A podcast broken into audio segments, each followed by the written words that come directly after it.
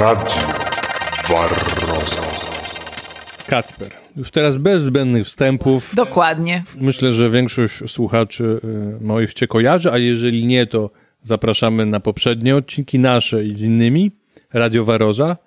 No cóż, odcinek o pasożytach społecznych. Y, W poprzednim odcinku o cyklu życiowym ksenomorfa żeśmy zrobili jakieś wprowadzenie, więc no teraz proszę kontynuuj. Może takie wprowadzenie. Jak często występuje ta strategia przyżyciowa wśród organizmów żywych na Ziemi? Pasożytnictwo społeczne można powiedzieć, że jest jedną z bardziej skutecznych i jedną z lepszych adaptacji do środowiska. Organizm, który jest pasożytem społecznym, jest w stanie wykorzystać pracę, zasoby i zaangażowanie innych form życia do tego, aby cała ich siła szła na utrzymanie jego samego oraz jego potomstwa. W ten sposób rozwijają się organizmy, które opanowują na drodze doboru naturalnego coraz skuteczniejsze mechanizmy kontroli społecznej i y, sprawianiu, że inne organizmy zamiast o swoje bezpieczeństwo i swojej grupy za priorytet uznają dbanie o osobnika, który w istocie tą grupę wyzyskuje. I Trzeba zacząć od tego, bo to jest bardzo ważne, żeby odróżnić pasożyta społecznego od komensala społecznego.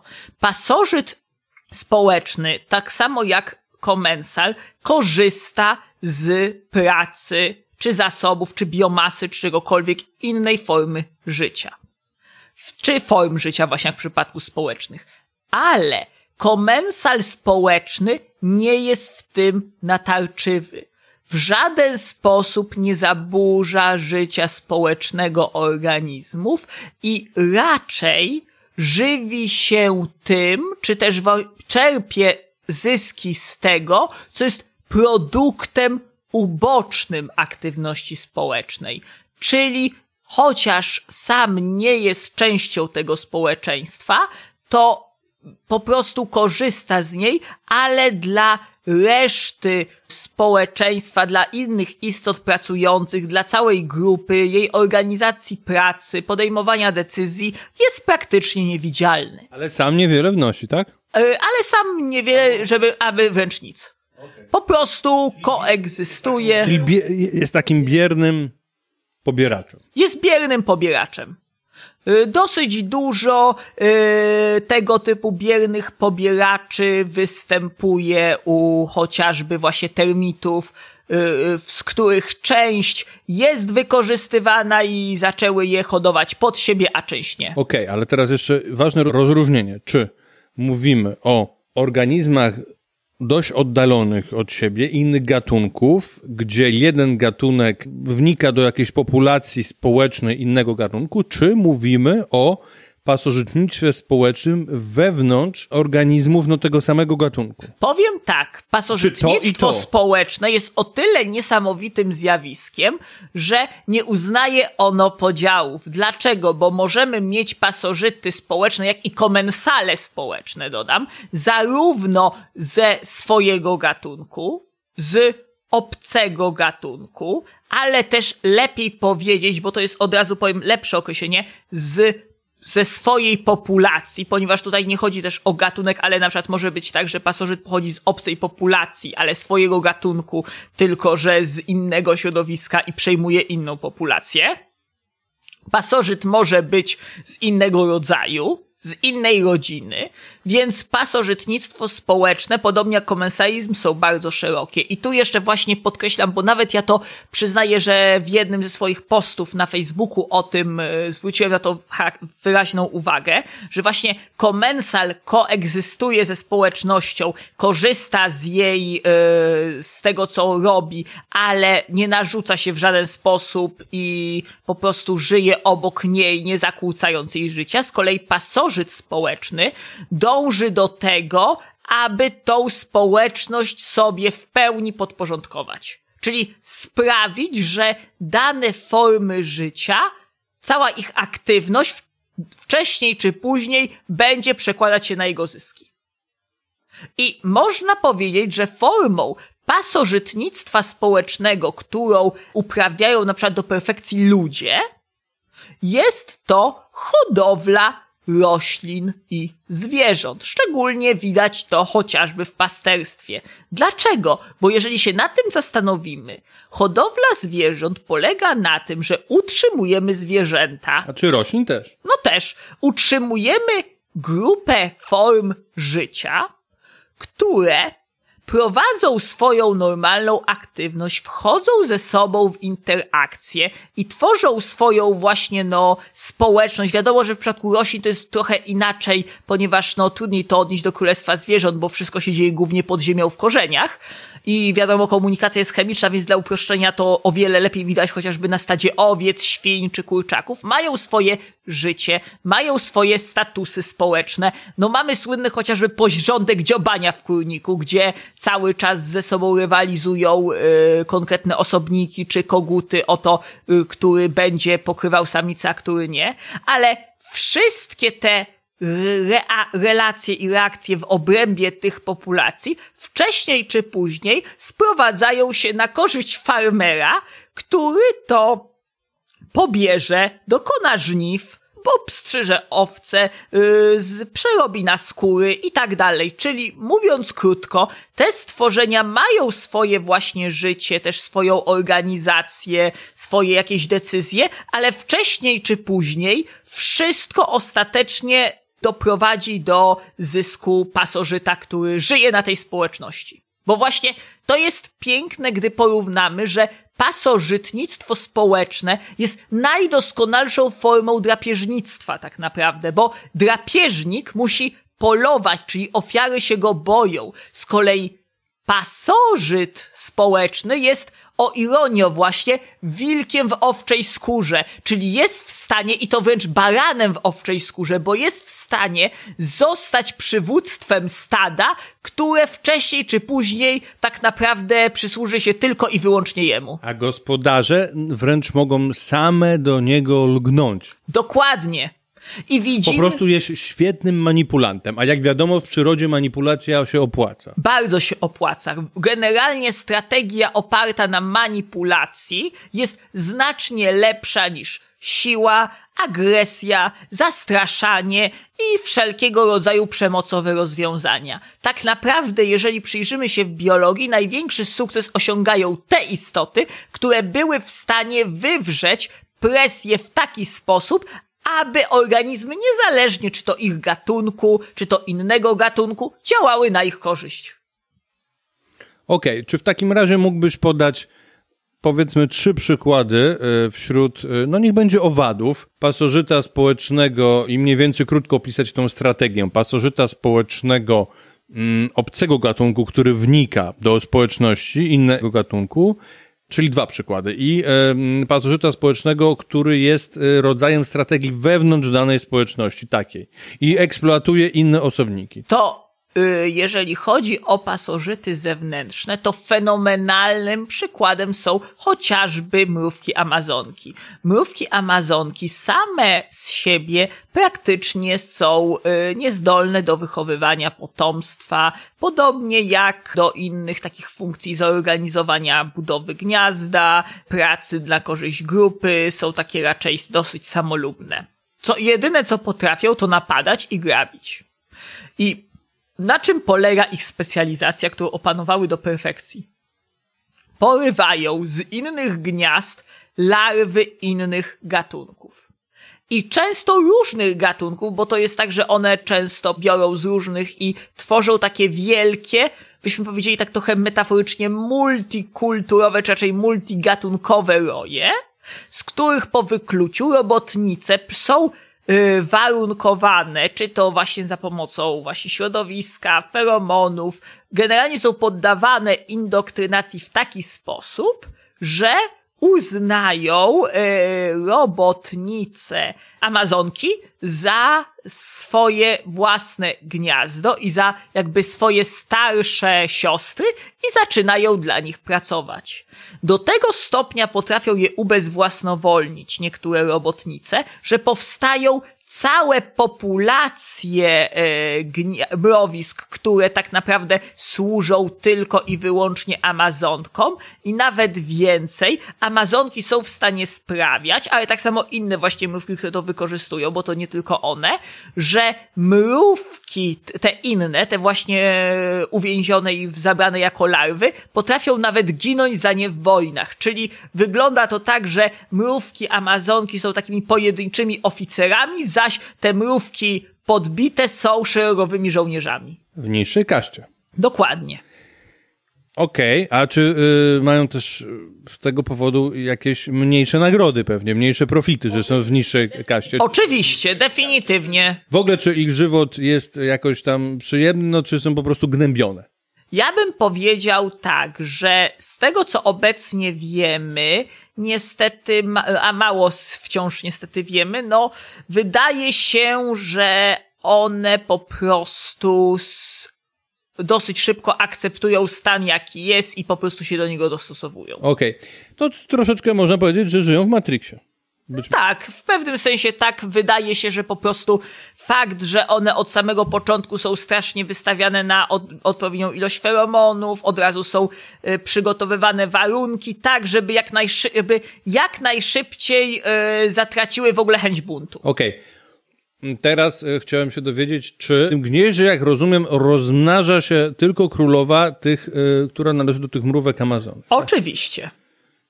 Te mrówki po prostu, mm, no taką przyjęły strategię, bo jest to opłacalne. Bez porywania tych innych mrówek, bez, to jest niewolnik to się nazywa, prawda? W, Tak. W, jak się nazywa nauka o mrówkach? Przypomnij mi, bo zapomniałem. Myrmekologia. W myrmekologii to jest po prostu niewolnik. Niewolnik, to, tak. Mm, te mrówki Amazonki nie są już w stanie przetrwać bez tych niewolników. nie są w stanie, są obligatoryjne. Na przykład od razu też jeszcze powiem, że innymi ciekawymi strategiami stosowanymi przez pasożyty różnych gatunków jest chociażby y, wchodzenie i podmienianie królowej, czyli sprawianie, że albo same unieszkodliwiają królową i zaczynają same emitować swoje feromony, albo potrafią zrobić coś jeszcze lepszego, a mianowicie tak zadziałać na robotnice, że robotnice wolą je same przyprowadzić do gniazda, zabić swoją królową i sprawić, żeby one, żeby to właśnie ona składała jaja, które no i tak nie będą z nimi spokrewnione. No, ciekawe.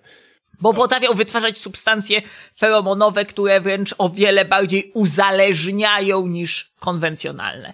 Jeszcze innym fenomenalnym e, formą pasożytnictwa społecznego obcego gatunku, który jest naj, jednym z najciekawszych, to są pająki oraz modliszki, które morfologicznie do złudzenia przypominają mrówki są w stanie żyć z mrówkami i co jakiś czas na nie polować, a równocześnie są cały czas odbierane jako robotnice. I czy one żyją wewnątrz gniazda? Żyją wewnątrz I gniazda. te mrówki i inne robotnice się nie orientują, jak zjadają po prostu ich towarzyszki? Y, bardzo często nie. Stosują tak niesamowity kamuflaż, tak? Tak. Feromonowo jakiś tam, Tak. nie, nie taki po naszemu rozumiany. Oczywiście, ale też trzeba przyznać, że pod względem morfologicznym są też bardzo do nich podobne. Amator nie odróżni, tak? Że to jest... Amator nie odróżni i też jest taka możliwość, że to się jakby zaczęło wtórnie. Dlaczego? Bo prawdopodobnie tym, co selekcjonowało, były inne zwierzęta, chociażby ptaki drapieżne i tak dalej, które po prostu im mniej, przy, jakby im bardziej przypominały mrówkę, tym też większe prawdopodobieństwo, że nie został zjedzony. No tak, no to klasyczna Więc- selekcja. dokładnie. Kierunkowa. No dobrze, a teraz w takim razie poproszę o przykład z y, owada, który no w, w obrębie tej samej społeczności, tego sam, osobników tego samego gatunku, jedne przyjmują strategię paszożytnictwa y, społecznego. Czyli tak, trzeba zacząć od tego, że jak wiadomo, my zawsze patrzymy na to z punktu widzenia teraźniejszości. Natomiast wiemy o tym, że fenomenalnym przykładem są chociażby były raczej trzmiele i trzmielce, ponieważ kiedyś trzmielce to były po prostu trzmiele, które wyspecjalizowały się w strategii pasożytowania. Prawdopodobnie były to po prostu osobniki, które zaczęły, czy to właśnie za pomocą feromonów, podmiany królowej, z właśnie mimikry wielopoziomowej i całego systemu yy, manipulacji sprawiać, że inne robotnice pracowały na ich korzyść i wiadomo, że z czasem zaczęły z nich powstawać inne gatunki, bo pula się zwyczajnie odseparowała. Te pasożyty, w tym wypadku czmielce, za zaczynały tracić swoje własne umiejętności samodzielnego funkcjonowania. Samodzielnego funkcjonowania, ale równocześnie coraz lepiej rozwijały możliwości manipulacji. Bo to trzeba cały czas podkreślić, że coś za coś w tym momencie Tak jest. akurat. I nie wyszło im to źle. No nie.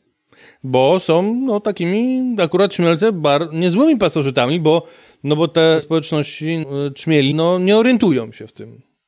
Z tego, co ja się orientuję. I na przykład w przypadku mrówek grzybiarek, które pod względem behawioralnym są bardzo podobne do y, termitów grzybiarzy, ponieważ jak wiadomo stosują podobną strategię, To są te mrówki, jest chyba kilka gatunków, które specjalizują się w hodowli i w y, monokultury grzybowej i, i odżywia- są na monodziecie, odżywiają się tylko tym grzybem. dokładnie, dokładnie. Jego owocnikami. Y, chyba. tak, dlatego, że w przeciwieństwie do termitów nie uży- używają go przede wszystkim jako pokarmu, a nie jako narzędzia, ponieważ w przypadku, tak jak wspominałem już, makrotermes to jest bardziej narzędzie i nawet jak go nie ma, ale jest jakiś substytut, to mogą sobie poradzić. Mówiłeś o, o tych mrówkach jako przykładzie. Y, Dlatego, bo one się nazywają Acromyrmex i mamy, mamy dwa gatunki, w czym jeden jest właśnie pasożytem, a drugi jest y, gospodarzem i pasożyt się nazywa Acromyrmex insinuator, a y, żywiciel Acromyrmex echination i o co chodzi? Ten, oba gat, gatunki pierwotnie były jednym gatunkiem. I dopiero całkiem niedawno przypuszczalnie doszło do rozejścia się.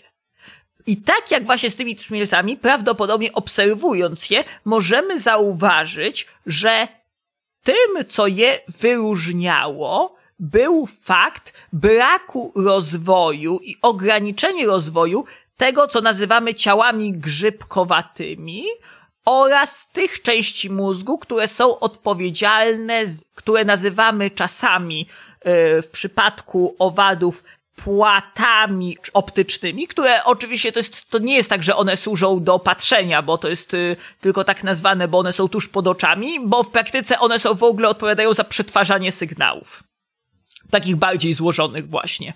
I zarówno ciała grzybkowe, jak i właśnie te płaty są u nich o wiele bardziej uległy skarleniu, są zredukowane kosztem bardzo silnie y, rozwiniętych dolnych partii, które właśnie są odpowiedzialne za chociażby podtrzymywanie swoich podstawowych funkcji, chociażby za to, co byśmy nazwali popędem głodu, popędem nagrody i generalnie czegoś, co gdybyśmy porównywali to do osobników y, z ukręgowców, te części mózgu, których u, nie, u nich są rozwinięte, to te, które my byśmy nazwali częścią tak zwanego BNST, czyli jąder prążka krańcowego oraz płatów ciemnieniowych, które jak wiadomo odpowiadają za percepcję otoczenia. I one w dużym uproszczeniu pozwalają na takie bardziej instrumentalne i techniczne postrzeganie rzeczywistości. I to jest bardzo ważne, ponieważ to pozwala nam zauważyć, że te osobniki, chociaż żyją w tej społeczności owadów, z niej korzystają, bardzo często wykazują zachowania trofalaktyczne, to trofalaktyczne, czy też są w stanie udawać, że na pracują, to wszystko, co robią, robią tylko na pokaz. Czyli nawet jeżeli powtarzają, to za to powtarzanie odpowiadają zupełnie inne partie układu nerwowego. Czyli to oznacza, że ich mózg zupełnie inaczej przetwarza te dane niż w przypadku zwykłego organizmu społecznego, który no traktuje siebie jako część kolektywu. I tak samo jest na przykład u y, os o nazwie Polistes i na przykład gdy przyjrzymy się y, Polistis sulcifer, która jest pasożytem i jej żywiciela, który jest Polistes deminula, też zauważymy, że te osobniki mają podobną zmianę, czyli ich mózg jest tak zmieniony, że te zwoje nadprzełykowe są właśnie dosyć silni, których właśnie skład wchodzą te ciała grzybkowate, czyli te, te byśmy powiedzieli, że bez u bezkręgowców zwoje nadprzełykowe są odpowiednikiem właśnie tych części, bym powiedział, górnych mózgu, tych przedczołowych, y, czy tych właśnie tego, y, tych płatów, y, tego przodomózgowia, to te są bardzo silnie zredukowane kosztem dolnych partii, które właśnie odpowiadają głównie za dążenie do zaspokajania potrzeb, czyli zarówno mają ograniczoną zdolność do przetwarzania feromonów przez wyższe partie mózgu, jak również mają e, bardzo silne jakby osobiste motywacje i głównie się na nich skupiają, ale jednocześnie ze względu na wydzielane hormony, na zachowania i tak dalej, dosyć łatwo potrafią kamuflować swoje prawdziwe intencje. I zwykle jest tak, że osobniki takie wykorzystują otoczenie, wykorzystują pracę innych osobników tak, aby te osobniki pracowały, a one będąc w otoczeniu, wydają się po prostu innymi i dosyć e, łatwo potrafią to wykorzystać na swoją korzyść. I rozumiem, że w toku selekcji to dochodzi do coraz większej zmienności, aż w końcu może się wykształcić no, odmienny gatunek. Oczywiście pamiętajmy, że przecież to nie jest też tak, że takie roje są ślepe i one potrafią wykryć osobnika, który jest patologiczny. Tylko pamiętajmy, że to zawsze działa tak, że im skuteczniej one wykrywają te osobniki, to tym skuteczniej selekcji podlegają, więc tym skuteczniej pojawiają się te osobniki, które dają sobie łatwiej radę z maskowaniem się. No jasne, to zawsze tutaj się pojawia ten wyścig e, Zbrojeń. zbrojeń, tak. Włamywacza i konstruktora antywłamaniowych drzwi. Więc jest tutaj zawsze pewne zróżnicowanie tych różnych postaw. Jeżeli te, które były mniej sprytne, dały się no złapać, no to przetrwają tylko wtedy te, znaczy roz, będą mogły się rozmnożyć te, które były sprytniejsze. I w ten sposób ta cecha jest y, wzmacniana kierunkowo z pokolenia na pokolenie, aż okaże się, że te organizmy już się tak różnią, że nie mogą dać na przykład Połączenia. płodnego potomstwa. tak? Nawet więcej powiem, bo to jest też ciekawe, że często jest tak, że pasożyt jest, te pasożyty są związane tylko i wyłącznie z określonymi gatunkami, często też manipulując nimi, żeby one były coraz bardziej podatne na ich manipulacje. Dlaczego? Bo na przykład pojawiają się też inne gatunki, na przykład pojawiają się, które już nie będąc podatne na manipulacje, już nie nadają się do bycia yy, podporządkowanymi przez konkretnego pasożyta społecznego. No, trzeba mieć specyficzne cechy. I to do tych y, trzmielców można też nawiązać, bo przecież pszczół jest bardzo dużo, pszczół społecznych też jest trochę, a jednak tylko u trzmieli to wyewoluowało z jakichś tam powodów. Dokładnie. Chociaż u pszczół miodnych jest też na przykład Capensis, taki podgatunek, który też stosuje strategię, ale troszeczkę inaczej. Jednak dzięki tej litoki może e, jakby przejmować inne gniazda genetycznie. Po Tak. prostu robotnice tam wlatują i robią swoje pseudokrólowe i e, manipulują tak. Opiekunki wykrywają to w, w rodzinach pszczelich, a one mają takie feromony, że nie są w stanie ich trutowych jaj wykryć. Dokładnie. I przypadku tego, jak ja wspominałem już o mrówkach grzybiarkach, to na przykład jest gatunek, który się nazywa Acromyrmex octospinosus i act, y, Actomyrmex, y, y, octospinosus, mi, mimo że jest też bardzo spokrewniony z tymi, które wspominałem wcześniej, nie nadaje się już na gospodarza, ponieważ z pewnych powodów jest w stanie przedstawicieli gatunku insinuator wykrywać i usuwać. Nie wiemy za bardzo z jakiego powodu jest zdolny i w jaki sposób nie daje się oszukać, ale widać, że są jakieś szczegóły, które na przykład sprawiają, że jakieś feromony oszukańcze bądź jakieś strategie po prostu potrafią je ominąć. Teraz e, taka kwestia, bo mm, często jak czytam o tych różnych podziałach, no i w tym również na pasożyty, komensale i... Symbioty. Y, Czy raczej mutuale. Czyli mutualiści, bo symbioza to w sumie każda relacja. No tak. Ekologicznie. Ekologicznie, biorąc, tak. No i teraz, tak jak przy innych podziałach biologicznych, choćby na gatunki, rodzaje czy podgatunki, to jest wszystko przybliżenie, szufladka nieostre. I teraz, no, nie jest do końca jasne, kto kiedy zaczyna być komensalem i pasożytem, czy, czy mutualistą, bo to jest trochę, mm, no, nieostre, ale też w tym sensie, jeżeli jakiś gospodarz Moim zdaniem, popraw mnie, jeśli się mylę, jeśli jakiś gospodarz jest już tak uzależniony od swojego pasożyta, że tamten nim tak manipuluje, że on już ma pewne tak, e, że to już poddaństwo się do tej manipulacji jest jego po prostu z najzwyczajniejszą cechą biologiczną i on już nie może inaczej jakby żyć. To tak fi- filozoficznie rzecz biorąc, to on już też no, w pewnym momencie stanie się mutualistą, bo zapewnia tą cechę biologiczną, jaką ma ten Więcej. gospodarz. Tu zostawiam takie filozoficzne pytanie.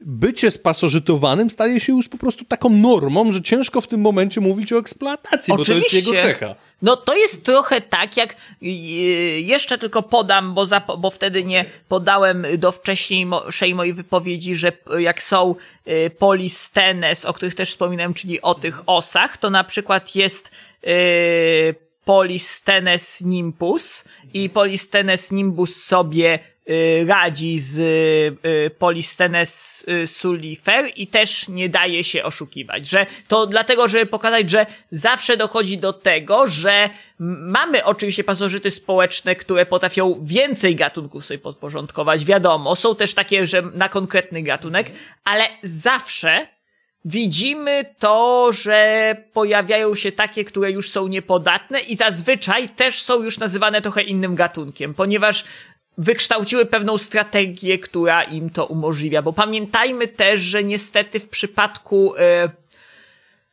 biologii bardzo dużej ilości zwierząt ta definicja, że nie dają płodnego potomstwa jest dosyć nieścisła. A u roślin to już w ogóle, nie mówiąc oczywiście o bez, no, bezpłciowych, to w ogóle nie pasuje. No właśnie, ponieważ problem jest taki, że to jest zawsze pytanie, mm, co mamy na myśli, jak mówimy, że nie dają wspólnego potomstwa, bo to znaczy, czy jest bariera behawioralna, czy jest bariera fizyczna, bo jeżeli na przykład mówimy tylko o barierze zapłodnienia, to bardzo możliwe, że na przykład większość nawet całych rodzin to mogłoby się okazać, że jest jeden gatunek.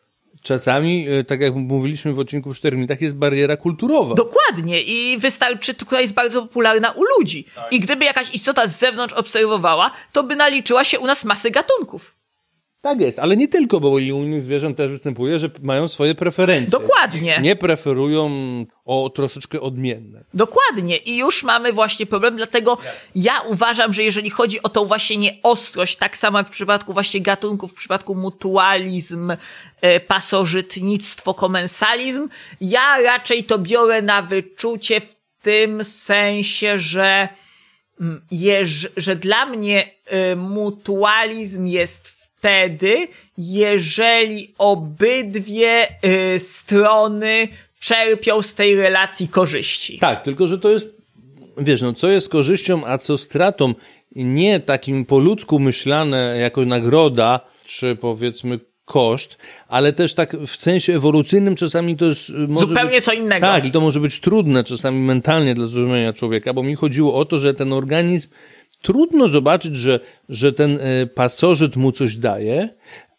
tylko chodzi, że już tak długo nim manipuluje, że dzięki selekcji zostały już tylko takie organizmy, których ta cecha jest, on już nie może się od niego uwolnić. Jakby musi mieć tego pasożyta, żeby spełniać, żeby e, po prostu mieć pewne cechy jego cyklu życiowego. Rozumiesz, o co mi chodzi? Więcej niż rozumiem, ja nawet powiem więcej. Najlepszym przykładem jest, wystarczy się chwilę rozejrzeć czasami, nawet po naszym domu, bo mamy już takie stworzenia i są to zwierzęta domowe, zwierzęta, które udomowiliśmy. Tak naprawdę, czy to zwierzęta, które udomowiliśmy dla rozrywki, czy to zwierzęta, które udomowiliśmy dla mięsa, czy to zwierzęta, które udomowiliśmy jako tanią siłę roboczą, czy to zwierzęta, które udomowiliśmy właśnie dla jakichś mleka, czy jajek, czy produktów y, innego typu. Wszystkie te stworzenia tak naprawdę są organizmami, których sukces, które mają niewiarygodny sukces ewolucyjny, bo tak naprawdę jest ich znacznie więcej aktualnie niż jakichś innych form życia na Ziemi.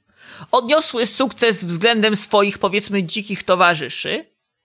I w praktyce są to dosłownie nasi żywiciele społeczni. Ponieważ wystarczy pomyśleć o kurach broilerach. Czy o koniach. Czy właśnie o świniach. Czy o innych właśnie zwierzętach, które, czy o krowach tych mlecznych, które praktycznie od razu produkują mleko. Przecież wszystkie te istoty, gdyby zostawić je bez człowieka, to wszystkie by wyginęły wszystkie te stworzenia z metaforycznej farmy, przecież większość kus, owiec i tak dalej, są to zwierzęta, które tak naprawdę nie dość, że już w ogóle nie przypominają swoich, powiedzmy, odpowiedników sprzed kontaktu z człowiekiem, to w dodatku, żyjąc w takich, a nie innych warunkach, posiada, nie posiadają masy cech odpornościowych, nie posiadają masy cech behawioralnych, nie znają środowiska, przede wszystkim nie mają ich kultura, ich bogactwo kulturowe już tak zostało zredukowane przez to, że tak naprawdę żyły tylko i wyłącznie jako zasób człowieka, jako y, żywy inwentarz, że bez tych, bez tych istot, które je oporządzają, praktycznie nie byłyby zdolne do niczego. I właśnie, oczywiście, często można powiedzieć, że ich los jest straszny z punktu widzenia pojedynczego osobnika. Ale nie z punktu widzenia ewolucji. No niestety ewolucja nie kieruje się takim. Nie kieruje się i właśnie fakt, jak my je mnożymy cały czas i wręcz produkujemy taśmowo, jest idealnym właśnie pokazaniem, jak pasożyt społeczny kontroluje swoje hosty, ponieważ one są tak naprawdę naszymi społecznymi gospodarzami. Czy właśnie kury, czy właśnie gęsi hodowane, wiadomo, na tłuste wątróbki, czy inne właśnie krowy, czy w ogóle wszelkie zwierzęta, które kojarzą nam się z hodowlą. Wszystkie, czy przecież tak samo jak są hodowle ryb. Słynna tak zwany sumi krekini, czyli panga, który był przez długi czas popularny, hodowany w wielkich basenach, w których wiadomo jest karmiony hormonami, żeby było ich jak najwięcej. Jeżeli się nad tym zastanowimy, to dojdziemy do wniosku, że wszystkie te istoty to jest nic innego jak nasi właśnie no gospodarze społeczni, ponieważ my utrzymujemy ich cały czas olbrzymią liczbę, ba, tak naprawdę stworzymy ich społeczności, bo to my je tak naprawdę projektujemy i warunki, w których te społeczności żyją, yy, po to, żeby czerpać z nich nasze, no, korzyści, żebyśmy mogli jeść, żebyśmy mogli się chronić, żebyśmy się mogli reprodukować i tak dalej, i tak dalej, czy nawet budować domy, no bo jak wiadomo z wielu skór, czy kości, innych rzeczy można też przecież my, nasi przodkowie budowali szałasy chociażby, czy proste domy, więc tak naprawdę wszystkie te zwierzęta, czy chociażby przecież os udomowione psy, czy, udomo- y, czy właśnie koty, które służyły do usuwania dla nas naszych pasożytów, że tak naprawdę wykorzystaliśmy istoty i tak naprawdę sprawiliśmy, że w przypadku na przykład psów traktują nas jako część swojej, jakby część swojego stada i tak naprawdę działają na naszą korzyść. Więc tak naprawdę są naszymi żywicielami, y, których my tak rozwijaliśmy, aby jak najbardziej pasowa- pasowały naszym wymaganiom jako pasożytowi. Ponieważ pasożyt tak kontroluje, żeby jego żywiciele byli mu jak najlepiej podatni. I jeżeli chcesz jeszcze coś dodać, to powiedz, bo chcę przejść do jeszcze bardzo jednego ciekawego tematu.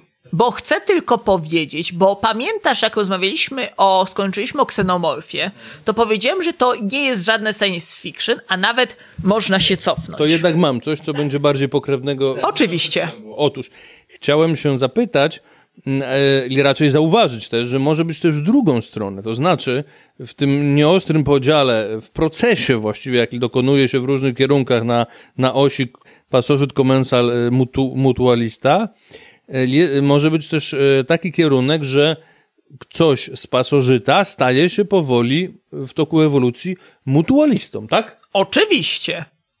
Bez problemu, w każdą Z stronę. mikroflorą wydaje mi się tak często było. Coś, co bardzo dawno temu jeszcze u naszych przodków, jak na przykład były to, byliśmy innymi organizmami, no albo nam jakoś nie sprzyjały, albo czy, czy powodowały nawet biegunkę lekką, czy jakieś lekkie choroby, natomiast w toku ewolucji przyzwyczailiśmy się do nich i są po prostu mutualistami. Stały się integralną częścią nas i bez nich też nie bylibyśmy w stanie żyć. I one bez nas też. I one bez no nas właśnie, też. To jest, to jest wtedy mutualizm, To jest mutualizm. który może wy, wyewoluować z pasożytnictwa. Dokładnie. I teraz ja właśnie zauważyłem, że jeżeli przyjrzymy się właśnie, że to nie jest żadne science fiction, jak mówiłeś o tym, że taki ludzki odpowiednik trzmielców i kontroli, Tak. Ponieważ Znaczy, roztaczałem taką wizję, że, że proponuję ewentualnym reżyserom tym się zainteresować, tym scenariuszem, że mogę sobie wyobrazić, że taki ludziniec, czyli powiedzmy odpowiednik czmiela u ludzi, wchodzi do obcego społeczności i wykorzystuje je, eksploatuje, a to ta społeczność gospodarzy się całkowicie nie orientuje. A właśnie problem polega na tym, że wcale nie musisz wymyślać tych, jak, tak jak jest trzmielec, co tych ludziców, ponieważ ludzice istnieją i to już od bardzo, bardzo dawna, ponieważ istnieją tak długo, jak istnieją wysoko funkcjonujący psychopaci. Wysoko funkcjonujący psychopaci są fascynującymi formami życia. Napisało się o nich wiele książek, chociażby Geniusz Psychopatów, Umysł Psychopaty Fallona i też inne poświęcone samemu zjawisku właśnie tak z czysto naukowego punktu widzenia. Psychopaci są o tyle fascynujący, że gdy zbadamy ich mózg, okaże się, że paradoksalnie właśnie podobnie jak te pasożyty społeczne, gdy porównamy mózg zwykłego, powiedzmy, neurotypowego człowieka z mózgiem wysoko funkcjonującego psychopaty, to okaże się, że jego przednie płaty, właśnie czołowe, przedczołowe i górne partie układu limbicznego, czyli te części, które odpowiadają za empatię, życie społeczne, za też yy, komunikację z innymi osobnikami, teorię umysłu, czyli rozumienia, że ktoś może wiedzieć coś, czego ja nie wiem, albo ja wiem coś, czego ktoś nie wie. I generalnie te wszystkie systemy, które odpowiadają nam na ta, za takie głębsze myślenie, też za różnego rodzaju konflikty światopoglądowe i autorefleksje, u tych osób praktycznie są martwe. Ale teraz muszę zapytać, skoro to wszystko, co teoretycznie czyni człowieka człowiekiem, u nich nie działa, to jakim cudem oni się nie zachowują jak zombie? Z bardzo prostego, ponieważ w ich przypadku całą funkcję właśnie emocjonalną tego reagowania na wszystko przejmują tylne części mózgu. Czyli jak już wspominałem w jednej ze wcześniejszych moich audycji, to co względem innych istot mamy do perfekcji, jeżeli chyba nie nawet najlepiej rozwinięte, a mianowicie myślenie narzędziowe. Myślenie narzędziowe, czyli zdolność do postrzegania obiektów w naszym otoczeniu jako potencjalnego przedłużenia czy usprawnienia naszego ciała. Że zdajemy sobie sprawę, że na przykład naszą ręką nie jesteśmy w stanie zrobić czegoś, a biorąc coś do ręki, możemy zrobić lepiej coś, czego nasze ciało by nie wykonało. I nasze części ciemieniowe mózgu postrzegają ten obiekt jako część siebie, jako pośrednio przedłużenie siebie i możliwość manipulowania swoim własnym postrzeganiem przestrzeni. I teraz, gdy przyjrzymy się mózgom psychopatów wysoko funkcjonujących, Co rozumiesz przez wysoko funkcjonujący? Yy, dlatego, bo w przypadku nisko funkcjonujących, których ten mózg jest słabo rozwinięty i myślenie to narzędziowe jest bardzo słabo rozwinięte, zazwyczaj mamy do czynienia z osobami, które są bardzo agresywne, od najmłodszych lat są niezdolne praktycznie do wchodzenia w głębsze relacje, są takie chętne na przykład, yy, mają skłonności do sadyzmu, mają skłonności do dominacji i generalnie są to istoty, które dosyć łatwo uznajemy za patologiczne. Okej, czyli w, posługując się tym językiem ekologicznym, o którym wcześniej rozmawialiśmy, no to są łatwe do rozpoznania przez gospodarkę. Dokładnie, są bardzo łatwe do rozpoznania. Ciężej im odnieść sukces, sukces ewolucyjny. Po prostu są to istoty, które odruchowo nam się kojarzą z bandytami, z agresją i tak Okej, dalej. więc jest duże prawdopodobieństwo, że zostaną unieszkodliwione. Unieszkodliwione i uznane za niebezpieczne, umieszczone w więzieniu, wygnane albo stracone. Natomiast wysoko funkcjonujący psychopata, zamiast właśnie być jakiś agresywny i dokonywać prostych rzeczy, przez bardzo rozwinięty system myślenia narzędziowego, uczy się od najmłodszych lat, jak wykorzystywać mechanizmy społeczne na własną korzyść. Czyli mówiąc krótko, dla niego inni ludzie, czy to bliscy, czy dalecy, przyjaciele, wrogowie, czy cokolwiek sobie wyobrazisz, to są dokładnie takie narzędzia jak śrubka, młotek, jak komputer, jak samochód. Każdą z rzeczy, rzeczy czy osób, która go otacza, jego mózg, ze względu na brak rozwinięcia części przedczołowych, postrzega jako coś, co jest albo użyteczne, albo nieużyteczne.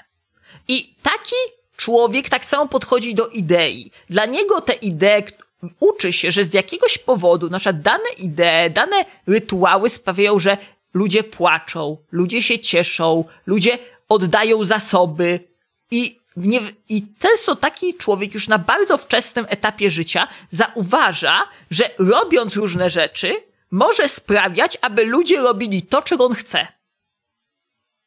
I taka jednostka dosyć szybko uczy się, jak za pomocą na przykład właśnie tego, co nazywamy ideologią, religią, systemem filozoficznym, systemem postrzegania dobra i zła, trenować, czy wręcz tresować społeczność, do której należy, czy też społeczność, którą sam sobie tworzy, tak jak w przypadku chociażby różnego rodzaju sekciarzy, akolitów, y, różnych organizacji y, parareligijnych albo też korporacyjnych, zbiera ludzi albo też wtapia się w nich w taki sposób, aby koniec końców pracowali dla zaspokojenia jego potrzeb.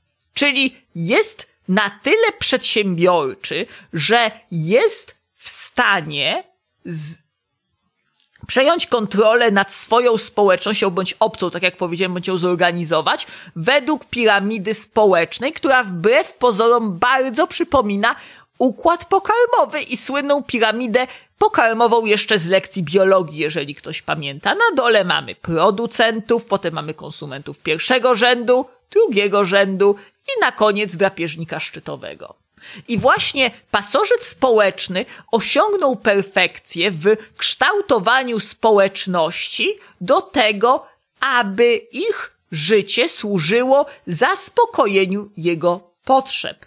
Do tego oczywiście potrzebna jest olbrzymia y, zdolność do łączenia faktów, do manipulowania otoczeniem, do manipulowania emocjami osobników wokół niego, tak aby jego utożsamiały z tym, co pozytywne, oraz w drugą stronę, żeby utożsamiały inne rzeczy, które pasożytowi nie pasują z tym, co negatywne. I tutaj przechodzimy do bardzo ciekawej kwestii, która moim zdaniem jest najciekawsza, a mianowicie kwestii, jak pasożyt społeczny, co mu pasuje właśnie na przykład w przypadku ludzi, a co mu nie pasuje.